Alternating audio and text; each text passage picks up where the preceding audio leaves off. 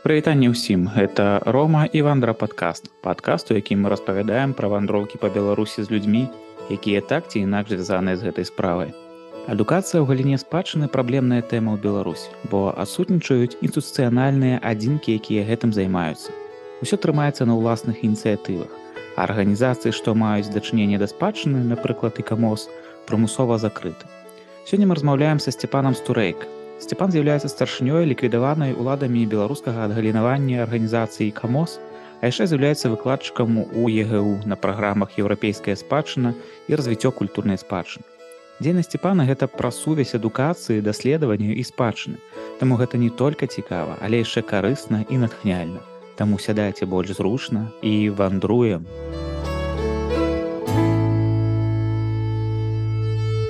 Давайте спачатку пачнем з вас з вашай постаці. Увогуле бо мяркую што людзей якія вандруюць якія шануюць спадчыну іх такая тэоретычная інстытуцыянальная старонка неяк для іх застаецца па-за ўвагай. Можете распавесці як вы ўвогуле звязаны за спадчынай і як да гэтага прыйшлі? Ну, я гэтаму вучыўся. Калісьці яшчэ 16 год таму я поступіў у магістратуру ігу сам поступіў А сёння я ўжо даўным-давно 14 год уже выкладаю. І тая магістратура якую я скончыў мы уже закрылі адкрылі новую цалкам новую дзе ўжо я быў суаўтарам всёй праграмы апрача адукацыйна складніка я займаюся даследаваннямі спадчыны і тэарэтычнымі і практычнымі я з'яўляюся лідарам міжнародна прызнанай ініцыятывы згуртавання экспертаў беларускіх экспертаў былога камітэта і ка камос беларусі які быў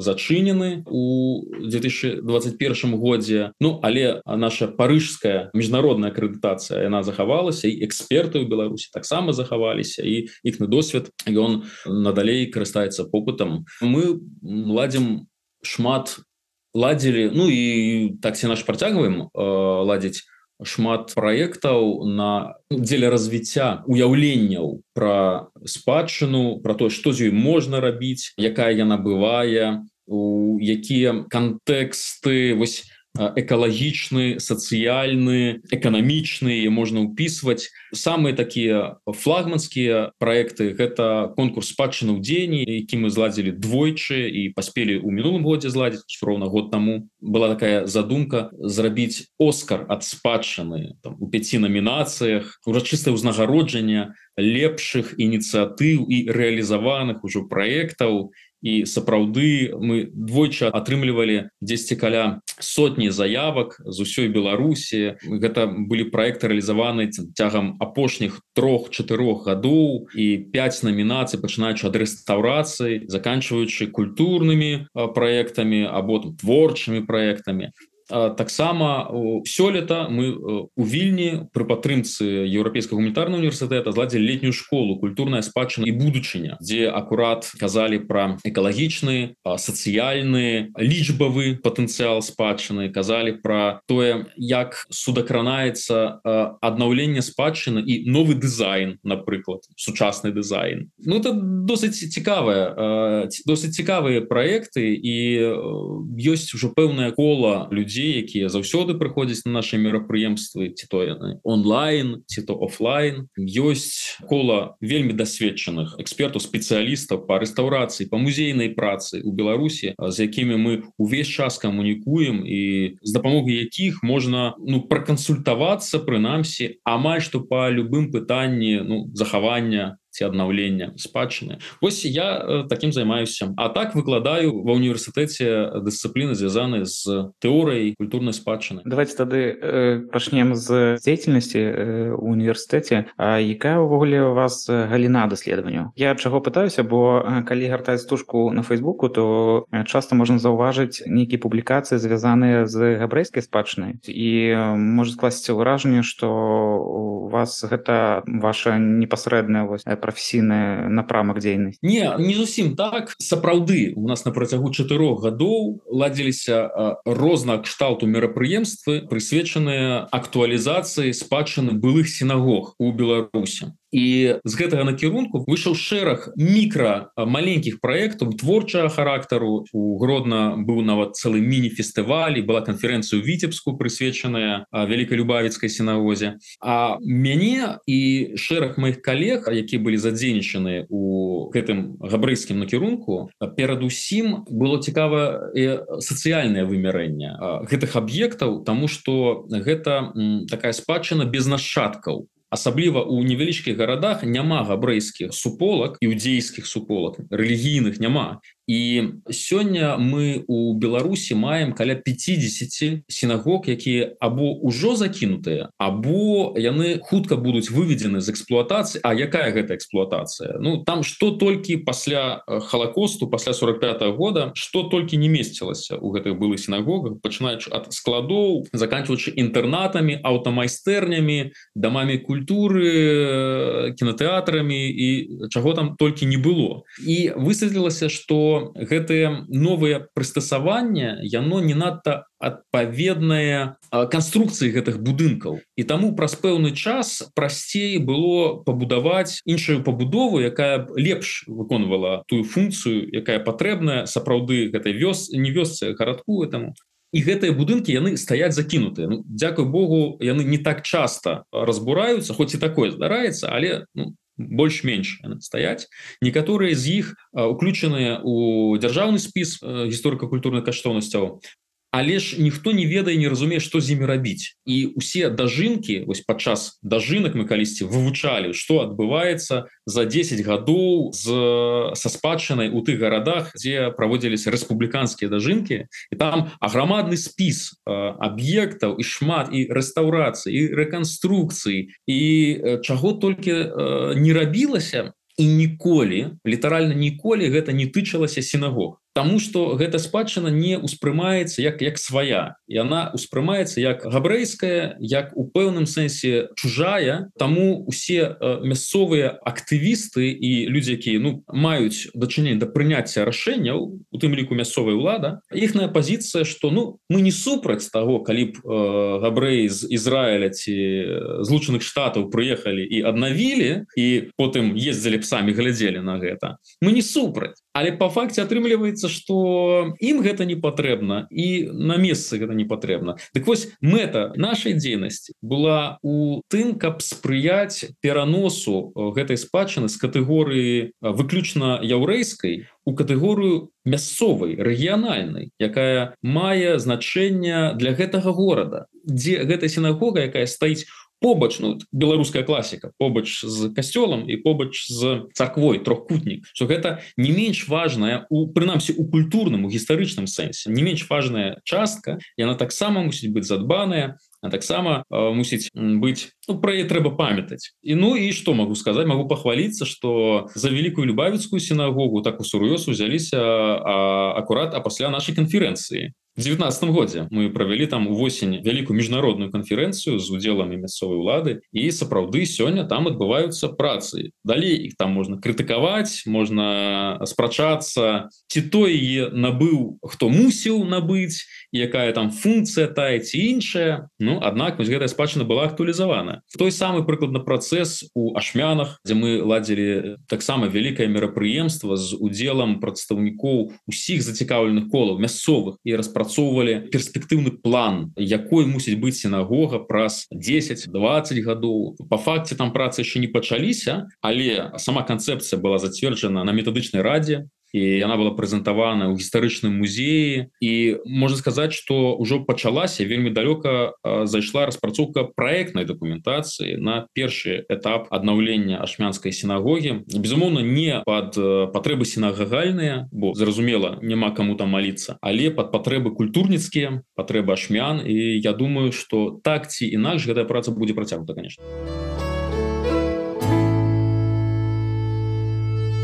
перайдзе непасрэдна да дзейнасці у ЕГУ вы выкладаеце на праграме еўрапейская спадчына еўрапейская спадчына і магістрская праграма развіццё культурнай спадчыны. Наконт еўрапейскай спадчыны ці можете спачатку ўвогуле распавесці для разумення што адносіцца да еўрапейскай спадчыны і якое месца там займае непасрэдна беларуская? Ну глядзіце мы разумеем еўрапейскую спадчыну 300 па-першае як пэўную еўрапейскую інтэлектуальную традыцыю. Як інтэлектуальную і крэатыўную традыцыю якая утварыла еўрапейскую культуру з усёй і каштоўнасцямі і утварыла пэўную ну цывілізацыйную платформу у якой сёння жыве ну прынамсі заходні свет. Это першае. По-другое мы кажам про еўрапейскую спадчыну як про часткова палітычны проект сённяшняя еўрапейская союза які распрацоўвае і мае ў сваім арсенале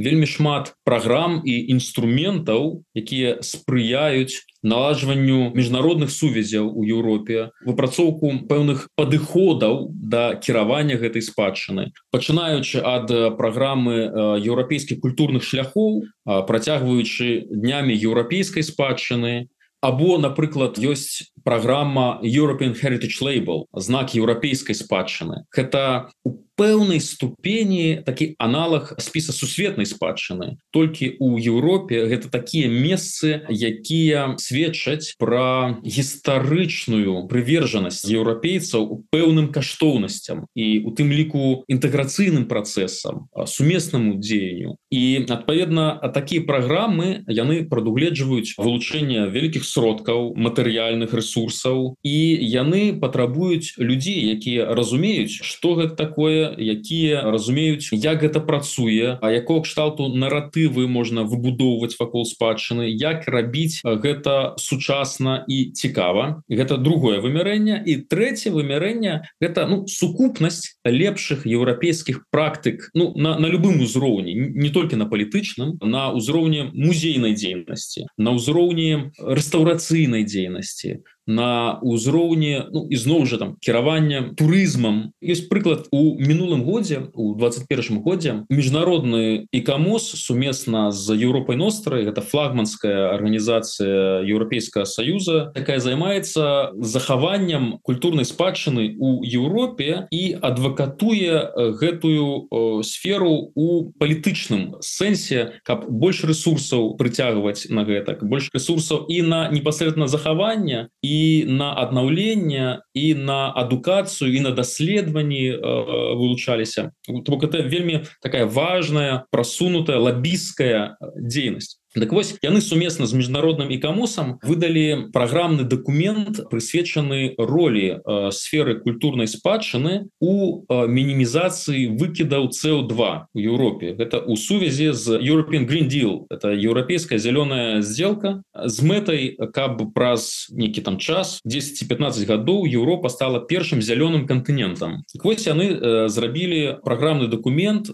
у пэўным сэнсе это метадычны дапаможнік як мусіць быць уладкаваная сфера культурнай спадчыны на нацыянальным узроўні якія падыходы і каштоўнасці патрабуюць увасаблення дзеля того каб сапраўды і сфера спадчыны таксама як і ўсе іншыя сферы зрабілі свой унёсак у мінімізацыю гэтых выкідаў. І тут акурат вяртаючись до турызма якое значение гэта мае напрыклад для для турыстычнай галіны Ну, па-першае гэта пра тое як арганізоўваць падарожжа. Як арганізоўваць падарожжы каб скажем менш лётаць і больш выкарыстоўваць экалагічны транспарт такі як у Еўропе гэта чыгунка самы экалагічны транспарт А як э, ладзіць культурніцкія мерапрыемствы на месцы каб ізноў жа мінімізаваць падарожжа а выкарыстоўваць перадусім лакальныя ресурсы як падтрымліваць мясцовых вытворцаў і як актуалізаваць мясцовыя вытворчыя традыцыі пачынаючы ад выкарыстання традыцыйных экалагічных матэрыялаў для пабудовы заканчваючы прыгатаваннем пэўных традыцыйных страў з мясцовых прадуктаў каб зменшыць вось гэтую лагістыку і гэтак далей то бок у перспектыве усе гэтыя меры яны будуць накіраваныя на накіраванне прабачце за таўталогію і на рэгуляванне і падтрымку тых ці іншых ініцыятыў мясцовых якія вось будуць прасоўваць лакальную культуру і будуць заахвочваць турыстаў за, заставацца не з'язджаць бавіць там час знаёміцца з гэтай мясцовай культурай. Таму вось гэтая гэта гэта таксама адна з прыкмету еўрапейскасці сёння. Вяртаючыся непасрэдна да еўрапейскай спадчыны калі напрыклад беларускі аб'ект некая гісторыка культурная каштоўнасць рэстаўруецца за сродкі еўразвяза ці можна гэта лічыць еўрапейскай спадчынай не зусім правильно было б так ставіць э, пытання я б тут э, казаў про еўрапейскую спадчыну у беларусі як про маркер з аднаго боку спрадвечнай інтэграванасці беларусі у еўрапейскія працэсы і палітычныя і эканамічныя і сацыяльныя і про э, тое что і надалей Беларусь з'яўляецца часткай Еўропы мы у гэтым годзе на пачатку гэтага года яшчэ до пачатку войны выдалі э, першы выпуск наша альманаха под назвай control s і ягоная ягоны дэвіз без творчасці няма захавання Дык вось один з матэрыялаў гэтых это э, мы разам з Сергеем харэўскім наш славуты мастацтвазнаўца гісторык культуры гісторык архітэктуры мы з ім паспрабавалі скласці першы і невялічкі спіс месцаў і аб'ектаў у Беларусі якія б сведчылі аб вось гэтай прыналежнасці Беларусі да ну, да еўрапейскага света. І у нас атрымалася 5-7 пазіцый пачынаючы ад банцараўскай культуры археалагічных месцаў з ёй звязаныя і заканчиваючы брэсцкай крэпасцю А якія самыя невідавочныя прыклады Ну мы туды уключілі і полацк і беларускія сінагогі і місціслаўль Ну яны ўсе так для тых хто сапраўды цікавіцца гэтай тэмай яны ўсе больш-менш відавочныя. А мы паспрабавалі уявіць что калі б заўтра Беларусь пачала удзел у вось гэтай праграме знак еўрапейскай спадчыны як я уже казаў аналог спіса ЮНЕСКО только для Европы то есть якія б аб'екты могли першымі апынуцца у гэтым спісе. Ну вось напрыклад гэтыя. Ёсць у вас уласныя фаварыты які вы пропіхнули бы? Добрае пытанне. Вось я менавіта про фаварытаў не надта думаў. Мне вельмі падабаецца ідэя з гэтай царквой святой фрасінеўска манастыра царквой 12 стагоддзя у полацку. Тому что сапраўды момант яе ўзвядзення і сама дзейнасць э, юфрасіні полацкай э, яна прыпала на, на такі час ну калі полацк э, стаў месцам перадусім у эканамічным сэнсе подключэння э, беларускіх земляў да э, еўрапейскіх гандлёвых шляхоў гандлёвых адносінаў. І праявай гэтага эканамічнага ўздыму стала пабудова такога манастыра. А пасля за амаль тысячагадовую ягоную гісторыю там на сёння ўжо такі пласт там ужо столькі ўсяго. І езуіты там былі і расійскія вайскоўцы і чаго толькі не было. І гэта ўсё у літаральным сэнсе запісана на іных сценах праз тысячи графіці якія працарапаныя скрозь і не недавно была выдадзена першы том каталога гэтай графіці калі вы ведаеце спецыялісты акадэміі навук выдалі каталог этой графіці які прааналізаваныя і сапраўды гэта такі архіў які упісвае гэта месца у кантэкст усёй тысячагадовай гісторыі гэтага рэгіёна. Мне здаецца что сёння калі мы кажам про гэта месца як про э, месца ну перадусім спадчыну юфрасіні полацкай гэта безумоўна так але гэта вельмі вялі вялікае спрашэнне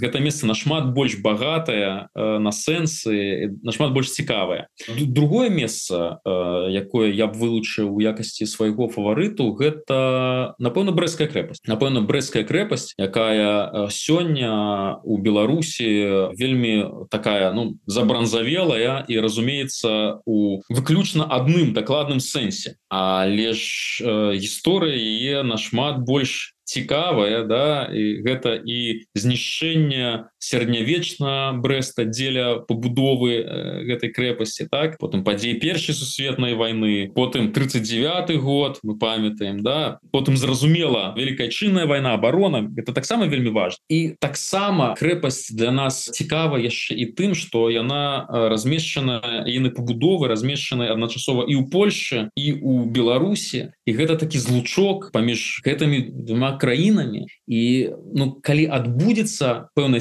синхронізацыя Ну яна мусіць адбыцца бо нават калі быць вельмі таким вялікім пессімістам у дачыне да сённяшняга дня можна паглядзець на гісторыю. Гісторыя она заўсёды суцяшае тому что ну у гісторыі заўсёды этой хвалі нармалізацыі і змены вектараў яны прысутнічаюць. А таму як толькі адбудзецца синхронізацыя палітычная эканамічная паміж Польшай і Беларусю Я думаю что вось гэты аб'ект набудзе новое значэнне новую значнасць і у ім будзе месца для ўсяго.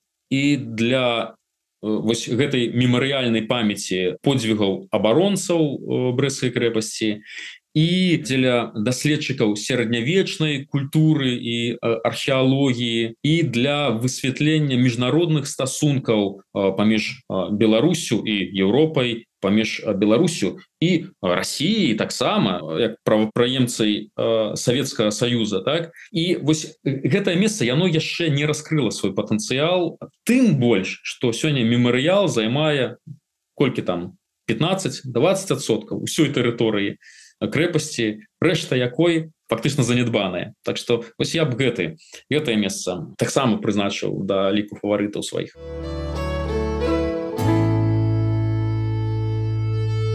Перайдзем тады да еўрапейскай спадчыны да праграмы еўрапейскага гуманітарнага універсітэта калі хтосьці з беларускай моладзі заахвоціцца і адкрый праграму то убачыць что там ёсць вывучэнне санкт-петербурга афіну вільні флоренцыі але няма нічога пра Беларусь. Ці вывучаецца ўвогуле беларуская спадчына на праграме гэтай? Ну па-першае з гэтага года месца санкт-петербурга па зразумелых прычынах у нас занятая пары бліжам а беларусі няма ну таксама по зразумелай прычыне тому что па-першае больше студэнтаў з беларусі яны і так выдатна ведаюць і мы іх усяляк стымулюем каб яны звярталіся да спадчыны тых гарадоў адкуль яны прыехалі каб э, нават калі яны не надта цікавіліся тым что там адбываецца то каб яны зацікавіліся э, гэтым і калі яшчэ не было праблемы з мабільнасцю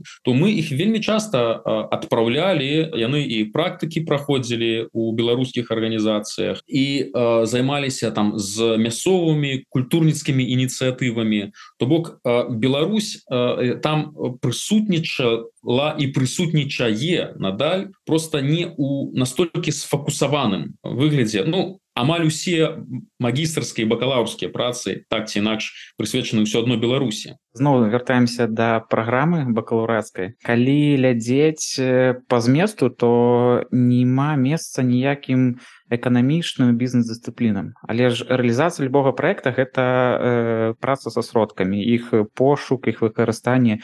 Ці няма некага недахопу гэтых ведаў для студэнтаў. Э, не э, няма тому что ёсць дысцыпліны накіраваныя на проектны менеджмент якія прадугледжваюць у тым ліку ну калі калі калі хочаце бюджетирование то то яно ёсць. А прача нават не ў адным курсе а ў некалькіх курсах фінальнае заданне якое мусяць падрыхтаваць студэнты гэта проектная заявка а апрача гэтага у нас есть яшчэ такая актыўнасць як гадавыя проекты то бок гэта не толькі курсавыя это можа быць пэўная ну дзеяння і в універсітэце ёсць двойчы на год абвяшчаюцца конкурсы невялічкіх студэнцкіх праектаў з невялічкім фінансаваннем але увесь гэты цыкл ад ідэі да пошуку сродкаў і рэалізацыі ва універсітэце нашыя студэнты могуць і сапраўды гэта робяць. Ну а потым а потым мы не цешымся ілюзіямі. Ну выпускнік бакалаўрыята калі ён патрапіў на бакалары на бакалаўрыят адразу пасля школы то гэта чалавек э, у веку ну, 20 одного 20 да это 10 21 год ему ну э, будем реалістамі гэта толькі самы пачатак.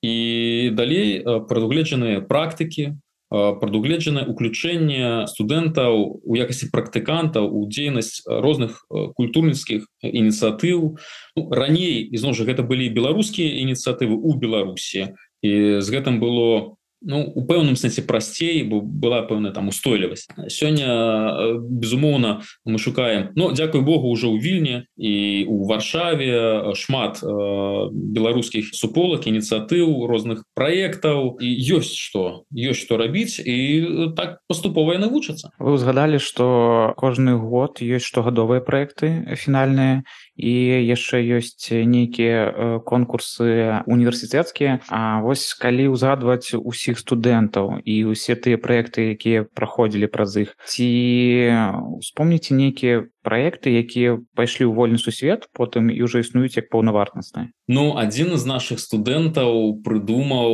э, музей сучаснай электроннай музыкі. І, і гэтая ідэя і ініцыятыва развілася у тое что 23 гады запар у міры у мястэчку праводзіўся музычны фестываль міру music фест вось гэта ідэя цалкам наших студэнтаў. Або у гэтым годзе у вільні наша магістрантка зладзіла невялікі фэст ну аднадзённы фэст шукання прысвечаны сучасным крэатыўным інтэрпрэтацыям традыцыйнай беларускай культуры это было вельмі такое прыгожае цікавае мерапрыемства. Або адзін з наших проектаў прысвечаны сіндрому стэндаля. Матэрыялы наше даследавання былі выкарыстаны напрыклад BBC но это тое чым вось так можна пахваліцца. А так ведаеце ёсць чым чым ганарыцца.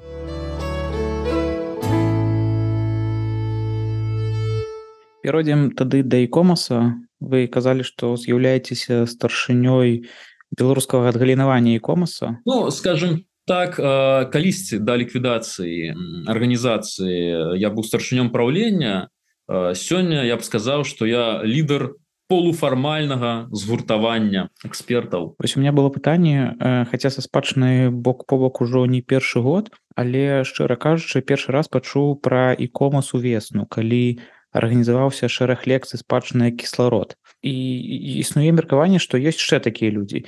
Цівогуле тыя хто не ведае пра арганізацыю? Распавядзіце ў двух словах чым сэнсы комаса і якія мэты стаяць перад ім. І камос э, гэта англійская абрэвіатура э, за якой стаіць міжнародная рада па помніках і мясцінах. І гэта дарадчы орган ЮНЕСКО у пытаннях э, культурнай спадчыны і найчасцей да экспертызы і камоса і да параду і камоса прыслухоўваюцца у момант дыскусій у ЮНЕСКО вакол сусветнай спадчыны А так амаль у кожнай краіне света ну не ва ўсіх але 90соткаў краін света маюць уласныя нацыянальныя камітэты якія складаюцца з мясцовых экспертаў прафесіяналаў якія займаюцца пытань рознымі аспектамі спадчыны. Традыцыйна напэўна большасць таких экспертаў гэта рэстаўратары і ты хто працуюць з нерухомай гэтай спадчынай але не толькі гэта і адміністратары гэта і музейшчыкі. Гэта нават ёсць падкамітэты міжнародныя падкамітэты які займаюцца і нематэрыяльнай спадчынай таксама. Так что у нас вельмі шырокі мандат. Згодна таму статуту які быў там ёсць вельмі такое грувасткае і бюрократычнае сумнае вызначэнне статутных мэтаў там садзейнічаць захаванню развіваць міжнародныя стасункі гэтак далей. Ну все правільныя словы. Я дзеля таких бегучых мэтаў выкарыстоўваю іншую формулёўку развіццё уяўленняў пра спадчыну. Вось чым мы займаемся. Больше важно мне здаецца гэта прасоўванне новых ідэй і падыходаў стварэння спрыяльных умоў для камунікацыі беларускіх рэстаўратараў з літоўскім і, і мы двойчы вазілі экскурсіі беларускіх рэстаўратараў такі былі цэлы туры по літоўскіх аб'ектах яны там э, мелі зносіны абмяркоўвалі што як. І гэта было цікава для абодвух дарэчы бакоў не толькі для беларусаў але для літоўцаў які побачылі э, беларусы і побачылі у іх сапраўдных прафесіяналаў мы падтрымлівалі заўсёды розныя творчыя ініцыятывы звязаны з асэнсаваннем перасэнсаваннем спадчыны. Спрабавалі прасоўваць ідэі звязаныя з уцягненнем мясцовых супольнасцяў у захавання аднаўлення адзін з вялікіх таких і знакамітых праектаў якім займаўся у тым ліку і камос гэта яшчэ задоўга до таго як я туды прыйшоў. Гэта быў фэст экскурсаводаў не будемм забываць або аднаўленне гальшанскага замка. У пэўны момант спецыялісты камоса наши архітэктары займаліся распрацоўкай а проектной документацыі для першай чаргі і э, гэта дастаткова авангарная і праз сваю авангарднасць таксама і спрэчная але тым не менш авангардная і цікавая такая нагружаная сэнсамі падыходамі канцэпцыя якая ўжо часткова рэалізаваная. А калі будзе рэалізаваны до конца Я думаю что у нас будзе вельмі такі аб'ект э, якім можна будзе ганарыцца не толькі праз гісторыю культуру якая там э, была але і як прыклад аднаўлення руйнавання захаванага аб'екта і кансервацыі яго. А зараз э, з каго складаецца беларускі камоз? Гэта некая супольнасць экспертаў? Так так э, як і была гэта супольнасць экспертаў просто раней яна была фармалізаваная гэта была грамадская арганізацыя. Сёння пасля прымусовай ліквідацыі по палітычных матывах і крыміналізацыі дзейнасці ад імя не зарэгістраванай арганізацыі безумоўна гэтыя эксперты не не абвяшаюць публічна про супрацу з ікамосам нават і нельга сказаць что я дзейнічаю ад імя гэтай арганізацыі. Я просто скажем так голас гэтых экспертаў якія менш прафесіяналамі не сталі ад ад наяўнасці ці адсутнасці юрыдычна статус пісалі у сваім здаецца апошнім апошняй публікацыі фейсбуку дзе было відэа стужка з Наталія зданевич по супольнасцях. Пісалі что гэта амаль камерны прагляд бо не такая вялікая колькасць людзей людзей праглядзела як лічыце чаму так? Ці аб чым гэта кажа? Што не ма інтарэса да гэтай тэмы ці некая праблема вот недастатковае прасоўвання тэмы супольнасцю увогуле і камоса Ну глядзіце ну па-першае надта неспрыяльны эмацыйны і інфармацыйны фон. Ну мы живвем у часе войны і нават калі сёння ну прынамсі вось до гэтай гадзіны на тэрыторыю беларусі нам яшчэ ракеты не асабліва ліцяць то ўсё адно увага беларусаў яна скіравана ну перадусім на гэта і не толькі вайна таксама у беларусі працягваюцца рэпрэсіі палітычныя і таксама гэта вельмі моцна адбівае увагу ад таких больш узнёслых тэмаў. По-другое все ж таки мы імкнемся рабіць мерапрыемствы не столькі асветніцка характара колькі паўтаруся накіраваны на развіццё уяўленняў каб развіваць уяўленне это трэба каб уяўленні ўжо былі это трэба каб людзі былі зацікаўлены і разумелі что что гэта якасны якасная размова ну про нешта новое і яна патрабуе ну высілка у пэўным сэнсе гэта ну элітарны прадукт які ізноў жа мы рабілі не столькі там логіка была не ў тым каб сабраць больш праглядаў а у тым каб зрабіць такі якасны архіў якасны архіў ну, калі хочется інтэлектуальны про тое что мы думаем сёння пра спадчыну якой сітуацыі мы знаходзімся куды гэта ўсё вядзе з якімі выклікамі мы сутыкаемся. І гэтая размова яна прамаўляецца ну такой прафесійнай мовай мовай людзей якія даўно уцягнутыя ў гэта і абмяркоўваюць спецыфічныя рэчы. Таму я не, я думаю что ну апрыоры гэта не можа быць папулярным. Але і, і няма мэты папулярызаваць. Мэта рухацца наперад з тымі хто хоча рухацца. І таму нават калі аўдыторыя не надта шырокая я вельмі моцна суцяшаюся тым что яна вельмі якасная. Нават калі паглядзець паглядзець на аўдыторыю э, вось гэта цыкла спадчына кісларод прынамсі бачыў хто рэгіструецца і хто подключаўся да да гэтых зумаў но гэта лепшыя людзі горада гэта зноў жа музейшчыкі гэта тыя хто з'ехаў гэта даследчыкі гэта людзі ў беларусі э, людзі из э, невялічкіх гарадоў які ўвесь час да, да нас подключаюцца гэта значыць мы робім нешта патрэбнае для іх прафесійнае развіцця Так что э, я не надо пераймаюся. То бок можна казаць что мэта і камоса гэта развіццё веду то бок калі ёсць уже нейкі развіццё ўяўлення. Гэта выпакутаваная формуліроўка над якой э, шмат і я і мы думалі і спрачаліся і атрымлівалі крытыку таксама за яе ж. Вось таму у развіццё уяўленняў то бок э, сэнс что ёсць нейкі базіс які развіваецца. І вось наконт гэтых базовых ведаў пра спадчную і адукацыю менавіта ўжо ў беларусі дзе ёсць магчымасць у беларусі ось атрымаць некую адукацыю веду па спадчыне дзе вось знаходзіць гэтую інфармацыю. То бок ёсць шэраг людзей якія вандруюць. Частка вандруе каб зняць нейкі здымак да нстаграма частка больш асэнсавана ездзіць. Выхоўваючы нейкія ідэі і гэтай ідэі могуць ператварыцца нейкія праекты. Але ж вось ёсць патрэба у нейкіх ведах у некай адукацыі менавіта па спадчыне. Дзе гэтую інфармацыю знайсці? Дзе атрымаць гэтыя веды Ну вы маеце на увазе э, там наяўнасць адсутнасць цікавых мест мясцін сядзіб э, і гэтак далей навокал э, сябе ці вы маеце на увазе нешта іншае?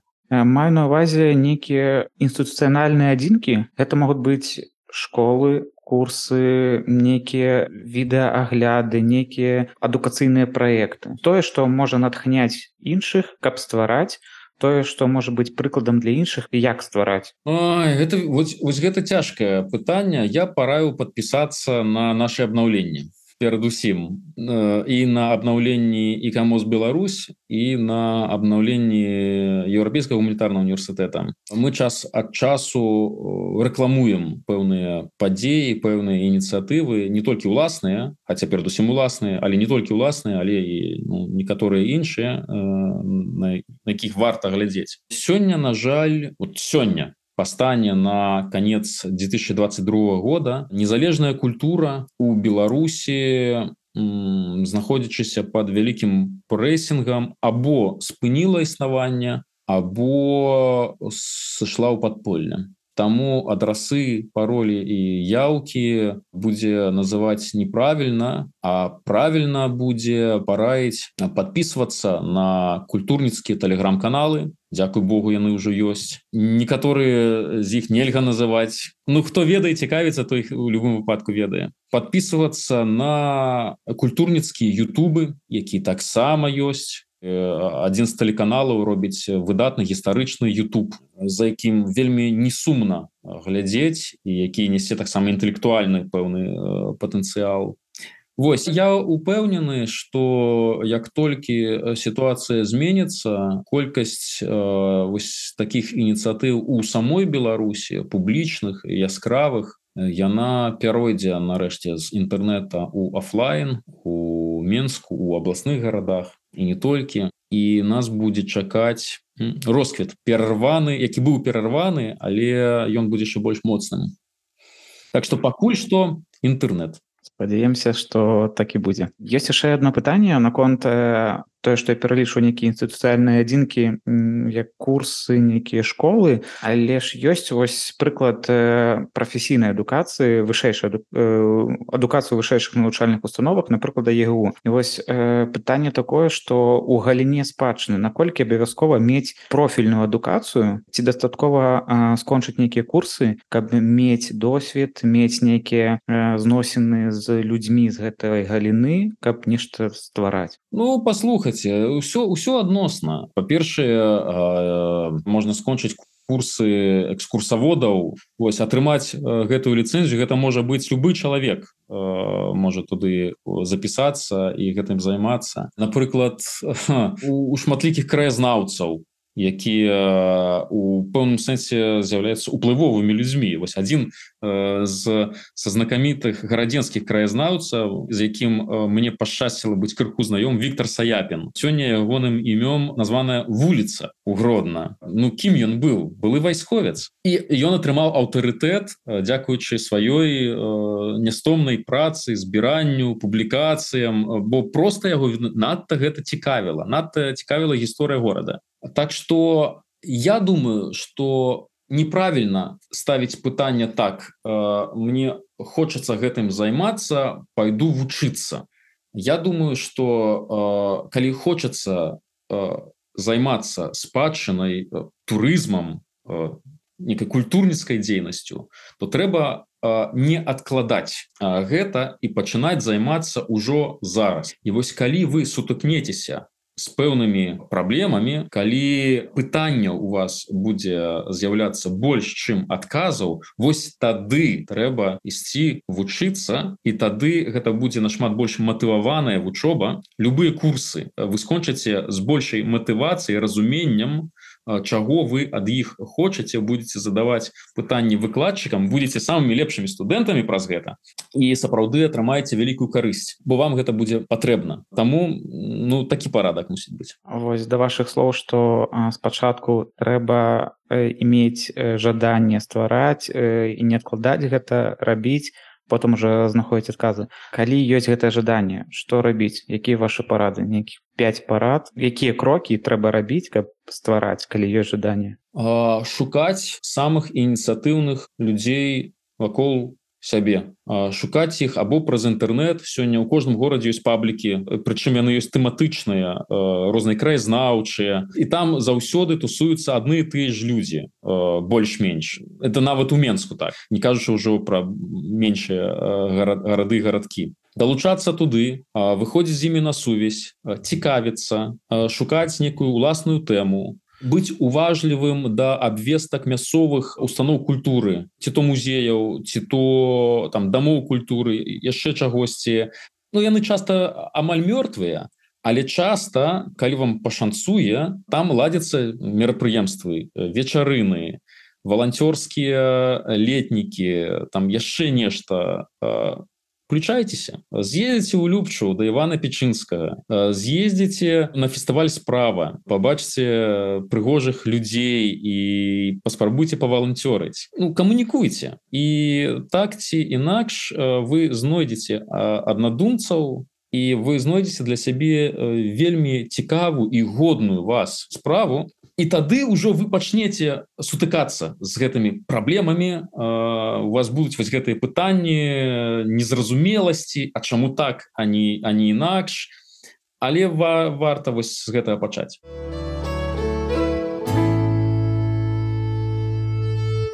Есть фінальнае яшчэ пытанне увогуле Степан навошта вы даследуеце спадчыну і навучаеце гэтаму студэнту Ну таму что э, гэта вельмі цікава Таму что гэта вельмі цікава і чым больш ідзеш углыб раю іншым я ж з уласнага досведу зыходжу чым больш ідзеш углыб тым больш пытанняў открывваецца ось э, зараз я працую над э, гісторыяй захавання культурнай спадчыны ў беларусе пачынаючы ад савецкіх часоў 60-х гадоў заканчиваючы 21 стагоддзям і я спрабую выбудаваць гэтай гістарычныя ланцужкі шмат размаўляю з рэстаўратарамі там з былымі чыноўнікамі збіраю іх мемуары і спрабую зразумець дзе карані той сітуацыі у якой у культурным сэнсе мы сёння апынуліся і гэта бясконцы працэс для даследавання для разумення чым больш разумееш тым больш новых пытанняў открывваецца а потым гэтым усім хочацца дзеліцца таму пішуцца кніжкі таму выкладчыцкая дзейнасць. Выкладанне дарэчы вельмі дапамагае думаць і структурировать унутры сабе. Вось гэтая знакамітая 5 разоў тлумачы ўжо сам зразумеў. Вось гэта у тым ліку пра мяне Так что ізноў жа сачыце за абвесткамі у нас заўсёды ёсць нешта новае і цікавае. Я думаю что то у гэтай тэме існуе той ведае пра наше і маё асабістае існаванне. Тады да сустрэчы на новых мерапрыемствах вас шчыры дзякуй за размову. Гэта было сапраўду цікава і шмат чаго ёсць каб пасядзець пагуліць і даведацца яшчэ больш. Цікава паразмаўляць цікавым чалавекам. Побачэння хочацца каб праектаў па развіццю спадчыны супольнасці вакол іх станавілася все больш. Таму падтрымлівайце сучасныя ініцыятывы у тым ліку ванду. Натхняйцеся імі даследуйце сваю галіну і стварайце ўласныя праекты. А каб не страціць наступныя эпізоды, подписывайтесь на подкаст і сацыяльныя сеткі проекта Вандер. Вандруем!